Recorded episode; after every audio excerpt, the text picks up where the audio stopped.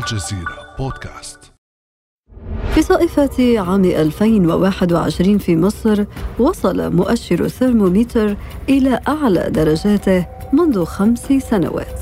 صيف حار يزداد حرارة وأرض خصبة تزداد عطشا ومحاصيل تختفي. مش المانجا بس ده المانجا. وال واللهم صل على النبي والزيتون. الزيتون ما فيش حاجة خالص. أقسم بالله ما في حاجة الزيتون شجرة زي فدان زي 70 فدان. التفاح برضه ما فيش. الكمثرى ما فيش. العوامل الجوية بصفة عامة مأثر على الإنتاج بصفة عامة. مش على مصر على جميع الدول العربية. ومع حلول شتاء عام 2021 تفاجأ المصريون بمشهد نادر. الثلج يكسو بكثافة عروس بحر المتوسط مدينة الإسكندرية. المدينة المهددة بالغرق إذا لم يحرك العالم ساكنا. وبين تقلبات المواسم ينتظر الناس من يرشدهم إلى الحياة. المطرة لما نطرت السنة اللي قبل اللي فاتت في شهر ثلاثة بهدلتنا للقمح خالص. يعني تقريبا كده دعك نص المحصول مننا أو ضيع نص المحصول مننا بمعنى أصح. هو إحنا بصراحة بنبقى عايزين نعمل حاجة بس ما بنعرفش نتصرف وعايزين حد يعرفنا نعمل إيه لما الجو يختلف معانا. مصر دولة زراعية وقائمة على الزراعة وده هو رأس مالنا فلازم نحافظ عليها ونراعيها والأرض دي الأرض عرض زي ما بيقولوا الفلاحين. كيف يؤثر التغير المناخي على مصر؟ وما هي القطاعات الأكثر تضررا في أرض الكنانة من الاحتباس الحراري؟ وهل تغرق المدن المصرية الساحلية وتختفي دلتا النيل؟ وما مقاربات القاهرة لمواجهة التحديات المناخية.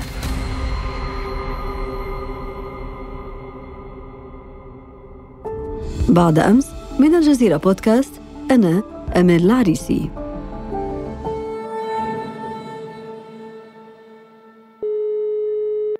يسعدني اليوم استضافة الأستاذ كريم الجندي الباحث في المعهد الملكي للشؤون الدولية. أهلا وسهلا بك أستاذ كريم. أهلا وسهلا بك أستاذ أمال شكرا جزيلا على الاستضافة بها وعلى تسليط الضوء على هذا الموضوع. أستاذ كريم قادة العالم تحدثوا في قمة المناخ الأخيرة عن خطر اختفاء الإسكندرية وتم إدراج مصر على قائمة الدول الأكثر تأثرا بالتغير المناخي. دعنا نفهم في البداية أستاذ كريم الطبيعة المناخية والجغرافية لمصر التي تضعها في موقع الخطر. شكرا جزيلا على هذا السؤال. الحقيقة أن لمصر خصوصية جغرافية فمصر بالأساس هي جزء من الصحراء الكبرى مثلها في ذلك مثل الدول المجاورة مثل السعودية مثل ليبيا على شرقها وفي شرقها وفي غربها. مناخها عموما حار في أشهر الصيف وجاف ودافئ وممطر في أشهر الشتاء إلا أنها أيضا تظل من أحد أقل دول العالم من ناحية معدلات هطول الأمطار. لمصر أيضا ساحل طويل على البحر الأبيض المتوسط مما يعني يطبع أجزاء من شمالها بمناخ البحر المتوسط المعتدل بوجه العام. فهذه أيضا خصوصية إضافية. إلا أن ما يجعل مصر حقيقة مختلفة عن دول المجاورة مثل ليبيا على سبيل المثال هو أن نهر النيل الذي ينبع في شرق أفريقيا يخترق أرضها في طريقه للبحر المتوسط. ونهر النيل تحديدا وهو أطول, أطول أنهار العالم هو ما سمح بقيام الحضارة الإنسانية على ضفافه وعلى وفي وادي النيل بوجه عام خلال السبعة آلاف عام الماضية. آه نهر النيل هو ما كون التربة عالية الخصوبة على جانبيه وهو أيضا آه ما كون الدلتا في شمال مصر وهي أيضا من أعلى المناطق خصوبة في العالم آه قبل وصوله للبحر للبحر المتوسط. فهذه العوامل مجتمعة تشكل مناخا ربما ذو خصوصية عالية ولكنه أيضا ذو هشاشة عالية. يعني كل هذه الخصوصيات التي أشرت إليها أستاذ كريم تبدو طبيعية في معظمها ويعني مصر تأقلمت معها كما ذكرت على مدى كل هذه السنين. فأين الخطورة؟ يعني ما الذي يشكل خطرا على مصر اليوم على مستوى المناخ على مستوى التربة وغيرها سواء حاليا أو في المستقبل القريب؟ التغير تغير المناخ هو مشكلة عالمية. حقيقة مشكلته الأساسية برأيي هي أنها أن تغير المناخ يأتي بشكل يغير من قدرتنا على التكيف مع الظروف المحيطة بنا. نحن أقمنا الحضارة الإنسانية بناء على ظروف مناخية معينة وهذه الظروف تتغير آه، بسرعة تصعب علينا آه، التكيف معها وتجهيز آه، مدننا والبنيتنا التحتية بشكل يتلائم معها. ففي الحالة المصرية مصر تتعرض لمخاطر تغير المناخ شديدة من ناحية ارتفاع درجة الحرارة تذبذب وانخفاض الأمطار التي هي بالأساس قليلة وأيضا ارتفاع مياه البحر. درجة الحرارة بالفعل قد ارتفعت. في خلال العقود الماضية القاهرة مثلا ارتفع متوسط درجة الحرارة الصيفية فيها بدرجة ونصف متوسط الشتاء ارتفع بدرجتين تقريبا في خلال العقود الماضية. يتوقع أن ترتفع هذه الزيادة بوتيرة أعلى إن لم تقل انبعاثات الغازات الدفيئة عالميا بوجه عام. ولكن لا نعرف تماما شدة ارتفاع درجة الحرارة المتوقعة في المستقبل لأنها بالأساس تعتمد على سيناريوهات تغير المناخ على سبيل المثال السيناريو الحالي وهو السيناريو الذي نتوقع فيه ألا يحدث أي تغيير عن منظومة التنمية العالمية عالية الكربون.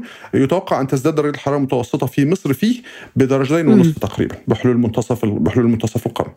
الأثر الثاني لتغير المناخ هو آه، انخفاض وتذبذب معدل هطول الأمطار آه، على الأراضي المصرية. عموما عموما الحوض الأبيض المتوسط هو أحد المناطق القليلة في العالم التي سيؤدي تغير المناخ فيها لانخفاض وليس زيادة هطول الأمطار بسبب بسبب جغرافية البحر المتوسط آه، الخاصة، ونتيجة لذلك فمن المتوقع أن شمال مصر سيستقبل مياها أقل من الأمطار التي هي بالأساس أمطار قليلة. طيب أستاذ كريم استنادا لكل هذه المعطيات ما حقيقة؟ ما يتم الترويج له مثلا أنه دلتا النيل ستغرق؟ هل هذا حقيقة خطر يتهدد دلتا النيل أم أنه يعني كما يقال مبالغ فيه؟ الحقيقة أن آه، الأثر الأكبر لتغير المناخ آه، في مصر يظل هو خطره على دلتا النيل آه، والتي يعني يسكن بها نسبة كبيرة من سكان مصر وكثافتها السكانية عالية وتتميز بخصوبة الأراضي الزراعية التي ذكرتها سابقا. فسبب الخطر حقيقة هو أن الدلتا التي كان يغذيها النيل بالطمي كل عام ويحافظ عليها من عوامل التعرية لم تعد تستقبل هذا الطمي منذ بناء السد العالي في أسوان في ستينات القرن الماضي. ولذلك فإن مستواها أصبح ينخفض عاما بعد عام حتى صارت أجزاء منها الآن تحت مستوى سطح البحر ولذلك فإن أي ارتفاع لمستوى سطح البحر مع استمرار انخفاض مستوى م. الأرض في الدلتا يؤذن بغرق مساحات واسعة من الدلتا بما في ذلك مدينة الإسكندرية نضيف لذلك أن تسرب مياه البحر تحت الأرض سيفسد تربتها عالية الخصوبة ويحرم مصر من مصدر آه، أساسي للغذاء. فبحسب سيناريو تغير المناخ الحالي وهو السيناريو الأسوأ يمكن أن تغمر آه، مياه البحر حوالي 30% آه، من دلتا النيل. إلا أن كل ذلك ولأن أحب أن أنوه هذه النقطة لن يحدث بسرعة بل سيحدث ببطء شديد خلال العقود بل والقرون القادمة. ويمكن أيضا تفاديه إذا التزم العالم بخفض انبعاثات الغازات الدفيئه يعني أن قطاع الزراعة سيكون بين أكثر القطاعات تضررا أليس كذلك؟ نعم الحقيقة أن هذه يعني مشكلة معقدة. مصر لا تعتمد كثيرا على مياه الأمطار للزراعة آه، ولكن انخفاض معدلات انخفاض معدلات الأمطار آه، مع زيادة التبخر من من بحيرة السد العالي على سبيل المثال ستقلل قطعا من كمية المياه المتوفرة لقطاع الزراعة وللري بوجه عام. نضيف لذلك أن مصر آه، تستخدم مياه أكثر من المتوفر لديها اليوم ربما بحوالي 25% عن طريق استخدام المياه الجوفية الأحفورية وهي المياه التي خزنت تحت الأرض عبر آلاف السنين ولم تعوض إذا نضبط. ولذلك فإننا أخذنا هذا في الاعتبار وأيضا أخذنا في الاعتبار أن مصر تستخدم آه، أكثر آليات الري هدرا للمياه وهي الري بالغمر آه، وأيضا أن حصة المياه حصة مصر من المياه آه، من مياه النيل أصبحت في خطر نتيجة لبناء سد النهضة. فإن أي أثر سلبي يحدثه تغير المناخ على على المياه سيضيف إلى هذه المخاطر التي يواجهها قطاع الزراعة في المستقبل. نضيف لذلك أيضا أن تغير المناخ له أثار سلبية على إنتاجية الزراعة في دول أخرى. وعلى سلاسل توريد الغذاء العالمية التي تعتمد عليها مصر أصلا في استيراد جزء كبير من غذائها، فمصر مثلا هي أكبر مستورد القمح في العالم. و... و... ولذلك أي أثر سلبي لتغير المناخ على زراعة القمح في روسيا في أوكرانيا في الولايات المتحدة الأمريكية قد يضر بقدرة مصر على الحصول على القمح بأسعار آه، تناسب إمكاناتها. بالإضافة إلى كل هذا هناك دراسات أستاذ كريم حذرت أيضا دراسات وتقارير مصرية في الفترة الأخيرة صدرت حذرت من أن قطاع السياحة سيكون أيضا في مقدمة القطاعات المتضررة في مصر من الاحتباس الحراري كيف سيحدث ذلك أستاذ كريم؟ نعم. آه، قطاع السياحة أيضا من القطاعات المهددة بدون شك. أول أول تحديات قطاع السياحة هو أن ارتفاع درجات الحرارة يقلل من جاذبية بعض الأماكن في مصر مثلا للسياحة لفترة لفترة أطول من العام. سيزيد من المدة الصيفية التي درجة الحرارة فيها عالية جدا وجاذبة للسياح. آه، كما أن ندرة المياه تمثل مشكلة بالنسبة لقطاع يعتمد على يعتمد على المياه بشكل كبير في كثير من الأنشطة الترفيهية والأنشطة السياحية. فالتحدي هنا بالأساس هو تحدي اقتصادي. قطاع السياحة في مصر يساهم بحوالي 9% من إجمالي الناتج المحلي. 3.5% منها آه، تأتي من سياحة آه، الشعب المرجانية فقط في منطقة البحر الأحمر أي مدن مثل شرم الشيخ والغردقة. فالموت المتوقع للشعب المرجانية وهو هذه مسألة ليس خاضعة لكثير من الجدل آه، بسبب تغير المناخ. هذا هذا هذا الموت لهذه لهذه الكائنات يتوقع وحده أن يتسبب في خسارة أكثر من 5 مليار دولار بحلول عام 2060 هذه المخاطر الاقتصادية سواء كانت المخاطر الاقتصادية على آه، على قطاع الزراعة أو على قطاع السياحة آه، تليها مخاطر اجتماعية، الضرر الذي يسببه تغير المناخ على هذه القطاعات يتسبب في زيادة الهجرة للمدن بحثا عن فرص عمل بديلة وزيادة نسبة البطالة في هذه المدن لأنها غير قادرة على توفير الوظائف لكل هؤلاء المهاجرين الجدد الذين نزحوا ربما من قطاعات أخرى مثل الزراعة والسياحة، وهذا بدوره قد يؤدي لاحتقان مجتمعي ربما قد يكون له تبعات أخرى. فالمسألة هنا هي تتابع هذه الآثار لتغير المناخ وآثارها الاقتصادية والاجتماعية وربما السياسية وربما حتى الأمنية التي تلي ذلك. وربما الأهم أيضا أستاذ كريم هو تداعيات كل هذه المتغيرات على الصحة العامة في مصر. نحن تحدثنا عن تضرر مصادر رزق المصريين خاصة منهم الناشطين في السياحة والزراعة. ولكن ماذا عن صحة الناس؟ خطر تغير المناخ على صحة الإنسان هو هو مسألة مفروغ منها بدون شك هي ذات أثر كبير. ارتفاع درجة الحرارة وأيضا الرطوبة. يمثل خطرا على صحة الإنسان وخصوصا مع كبار السن. تغير المناخ أيضا سيزيد من آه، ارتفاع احتمالية حدوث الإجهاد الحراري آه، وهذا أيضا قد يكون مميتا للإنسان وخصوصا مع ارتفاع درجة الحرارة القصوى في الصيف. كما أن الأثر الهجين لارتفاع درجة الحرارة مع وجود تلوث في الهواء يتسبب في مشاكل صحية في الجهاز التنفسي للإنسان بشكل إضافي.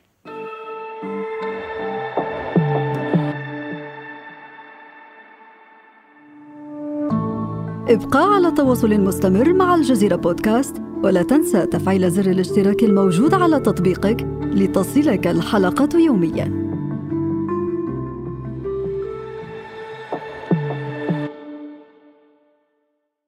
طيب أستاذ كريم تحدثنا عن تداعيات خطيرة حقيقة جراء هذه التغيرات المناخية. يبدو أنها لا تستثني أي قطاع ولا تستثني حياة الإنسان في حد ذاتها. كل هذا الإطار مصر اليوم. ناشطة في ملف المناخ على المستوى الدولي. كان لها حضور لافت على مستوى قمة المناخ الأخيرة في جلاسكو وكنت ضيفا معنا في حلقة بخصوص التحديات العالمية المقبلة على مستوى المناخ. في نوفمبر القادم مصر أيضا ستستضيف قمة المناخ 27 في شرم الشيخ وهذا يدفعنا للتساؤل عن مقاربة مصر في ملف المناخ. أين وصلت جهودها؟ إزاء كل هذه المخاطر؟ آه، الحقيقة أن لمصر مقاربة خاصة جدا في التعامل مع قضية المناخ. آه، مصر مثلها مثل العديد من الدول النامية تتعامل مع قضية المناخ من منظور التكيف مع آثاره وتتجنب تماما آه، جوانب التخفيف من تغير المناخ عن طريق تقليل انبعاثات الكربون على سبيل المثال. وسبب ذلك هو أن مصر تعتبر أن تقليل الانبعاثات هو مسؤولية الدول الصناعية التي تسببت في هذا التغير. ورغم أن قدرة العالم على الحد من تغير المناخ تحتاج لتكاتف الجميع إلا أن مصر حتى الآن لم تظهر أي نية للتقليل من انبعاثاتها سواء كان هذا التقليل مشروطا بتلقي دعم مادي أو حتى غير مشروط. آه كما أن مصر آه، حتى الآن تدفع بقوة لاستمرار استخدام الغاز الطبيعي في الأعوام القادمة برغم ضرره على المناخ. وبرغم دوره المحتمل في الغرق في غرق أجزاء من دلتا النيل آه وسبب ذلك هو تركيزها آه الحالي على الاستفادة القصوى من استخدام وتصدير مصادر الغاز الطبيعي المكتشفة حاليا آه، في مياهها الإقليمية. هذا الموضوع يعني أو هذا هذه المقاربة لمصر تتضح بشكل جلي في استضافة مصر للنسخة السابعة والعشرين لقمة المناخ في شرم الشيخ في نوفمبر كما تفضلتي. فاستضافة آه، مصر لهذه القمة أظهرت ان أن مصر على عكس آه، القمة السابقة في في جلاسكو على سبيل المثال والتي ركزت بقوة على تقليل انبعاثات الكربون والتحول الطاقي إلا أن الرئاسة المصرية على عكس ذلك أعلنت أنها ستمثل مطالب أفريقيا بشكل اساسي وستركز على التكيف مع تغير المناخ وستركز على قضايا التمويل المناخي وأيضا ستركز على حصول الدول النامية على تعويضات عن الخسارة والضرر الناجمين عن تغير المناخ. طيب أنت تحدثت عن تكيف تأقلم مع المتغيرات المناخية هل هذا ممكن وما هي أدواته؟ دون شك توجد أدوات كثيرة ولكل دولة مقاربة خاصة بحسب احتياجات هذه الدولة وبحسب التحديات التي تواجهها في الحاله المصرية على سبيل المثال أكثر المشاكل الحاحا هي مشكلة المياه وهي آه هذا يظهر جليا في آه آه السياسات التي تنتهجها الحكومة المصرية حاليا آه، وما تولي له اهتماما كبيرا، فمثلا رأينا اهتماما كبيرا باستصلاح الأراضي الزراعية آه، باستخدام آه، أساليب ري عالية الكفاءة مثل التنقيط على سبيل المثال، رأينا أيضا جهودا لمعالجة المياه العادمة واستخدامها في الري، رأينا سنا لقوانين تمنع زراعة نباتات الزينة الغير محلية لتقليل استخدام المياه الغير ضرورية. رأينا أيضا مشروعات لتبطين الترع والقنوات والمجاري المائية لتقليل تسرب المياه آه، منها، كل ذلك جزء من استراتيجية وطنية لتحسين آه، إدارة المياه في مصر. آه، أيضا على جانب ارتفاع مياه البحر رأينا بعض الاهتمام. رأينا اهتماما ببناء السدود على ساحل الدلتا من خلال تمويل دولي من خلال الأمم المتحدة لحمام لحماية بعض أجزائها من من مياه البحر التي تهدده. فالاليات التي تتخذها الدول المختلفة تعتمد بشكل أساسي على التحديات التي تواجهها. بما أنك أشرت أستاذ كريم إلى تمويل دولي لبناء السدود على مستوى دلتا النيل لتوفير كميات المياه المناسبة للزراعة في ظل كل هذه المتغيرات المناخية. تساءل هنا عن دور الدول المتقدمة في دعم الدول النامية مثل مصر كما تفضلت أستاذ كريم. الحقيقة أن الدول المتقدمة حتى الآن تتمسك بموقف صعب إلى حد ما فيما يتعلق بأهمية التكاتف للتخفيف من انبعاثات الكربون وتدفع بقوة في هذا الاتجاه. ولذلك فهي لا تعطي اهتماما كبيرا بالقضايا التي تركز عليها الدول النامية مثل التكيف آه، والتمويل والتعويضات. فمثلا الدول المتقدمة حتى الآن لم تفي بالوعود التي قطعتها على نفسها بتوفير 100 مليار دولار من تمويل المناخ كل عام بحلول عام 2020 آه، كما أنها كما أنها ترفض تماما مسألة التعويضات عن الضرر والخسارة التي تحققت بالدول النامية بسبب انبعاثات الدول الصناعية ولذلك فإن هذا الشد والجذب بين الدول النامية والدول المتقدمة آه، والذي ميز ربما آه، قمم المناخ السابقة ربما يشهد تصاعدا في هذا العام بسبب موقف مصر كرئيسه للمؤتمر وأيضا بسبب تزايد آثار تغير المناخ على الجميع. يبدو أن المشكلة ما زالت كما يقال يعني تراوح مكانها سواء من جهة من قبل الدول المتقدمة ومن جهة أخرى من جهة الدول النامية خاصة على مستوى مدى التزامها بتطبيق كل هذه الأدوات التي أشرت إليها. في الختام أستاذ كريم نعود إلى المقطع الصوتي الذي استمعنا إليه في بداية الحلقة للسيدة المصرية الناشطة في مجال الزراعة التي قالت إنها بودها لو حدا يعني يفسر لها كيفية حماية زراعتها الخاصة أو منتوجاتها الفلاحية الخاصة. برأيك هل هناك حلقة مفقودة بين المواطن وكذلك الجهات المعنية لتوعية الناس بمخاطر التغيرات المناخية؟ توجد حلقات مفقودة دائما في مسألة التكيف مع تغير المناخ.